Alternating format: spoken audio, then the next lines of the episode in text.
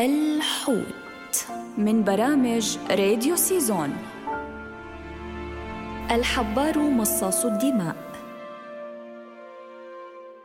طوله ست بوصات وهو سباح سريع يعيش في أعماق تتراوح بين 90 إلى 900 متر في المياه الاستوائية. هو نوع من الرخويات الصغيرة ويمكن العثور على هذا الحيوان في المحيطات المعتدلة والاستوائية في جميع أنحاء العالم. يعيش الحبار مصاص الدماء في درجة حرارة بين درجتين إلى ثلاث درجات مئوية وتم اكتشاف الحبار مصاص الدماء في بداية القرن العشرين. وظهر على كوكب الأرض قبل 300 مليون عام. يمتلك العديد من الميزات التي تجعله فريدا من نوعه بالمقارنة مع الحبارات الأخرى.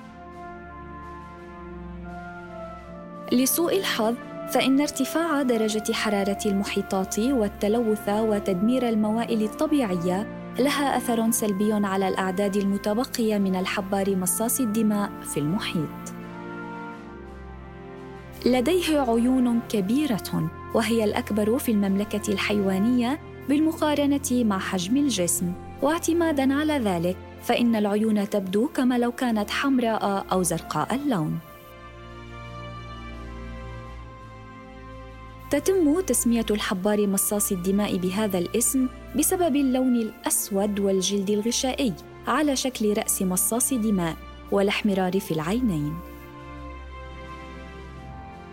كبار الحبار مصاص الدماء تستخدم زوجا من الزعانف الصغيرة وهي موجودة على جنبيه من العباءة. إنها تبدو وكأنها تطير من خلال الماء عندما تبدأ برفرفة الزعانف. ويمكن أن تصل سرعته إلى اثنين من أطوال الحيوانات البحرية في الثانية الواحدة. هذا الحيوان ينتج الضوء الذي يجذب الفريسة ولصرف الحيوانات المفترسة. لا تأكل الأنثى أثناء فترة الحضانة وتموت من الإرهاق في أقرب وقت بعد فقس البيض. أما صغار الحبار مصاص الدماء لا تتناول الطعام خلال الأسابيع القليلة الأولى من حياتهم لأنهم ولدوا مع توافر بعض الطاقة الداخلية تتمثل بنوع من صفار البيض. كما أن صغار الحيوانات تخضع لعدة تحولات شكلية قبل بلوغها مظهر الكبار.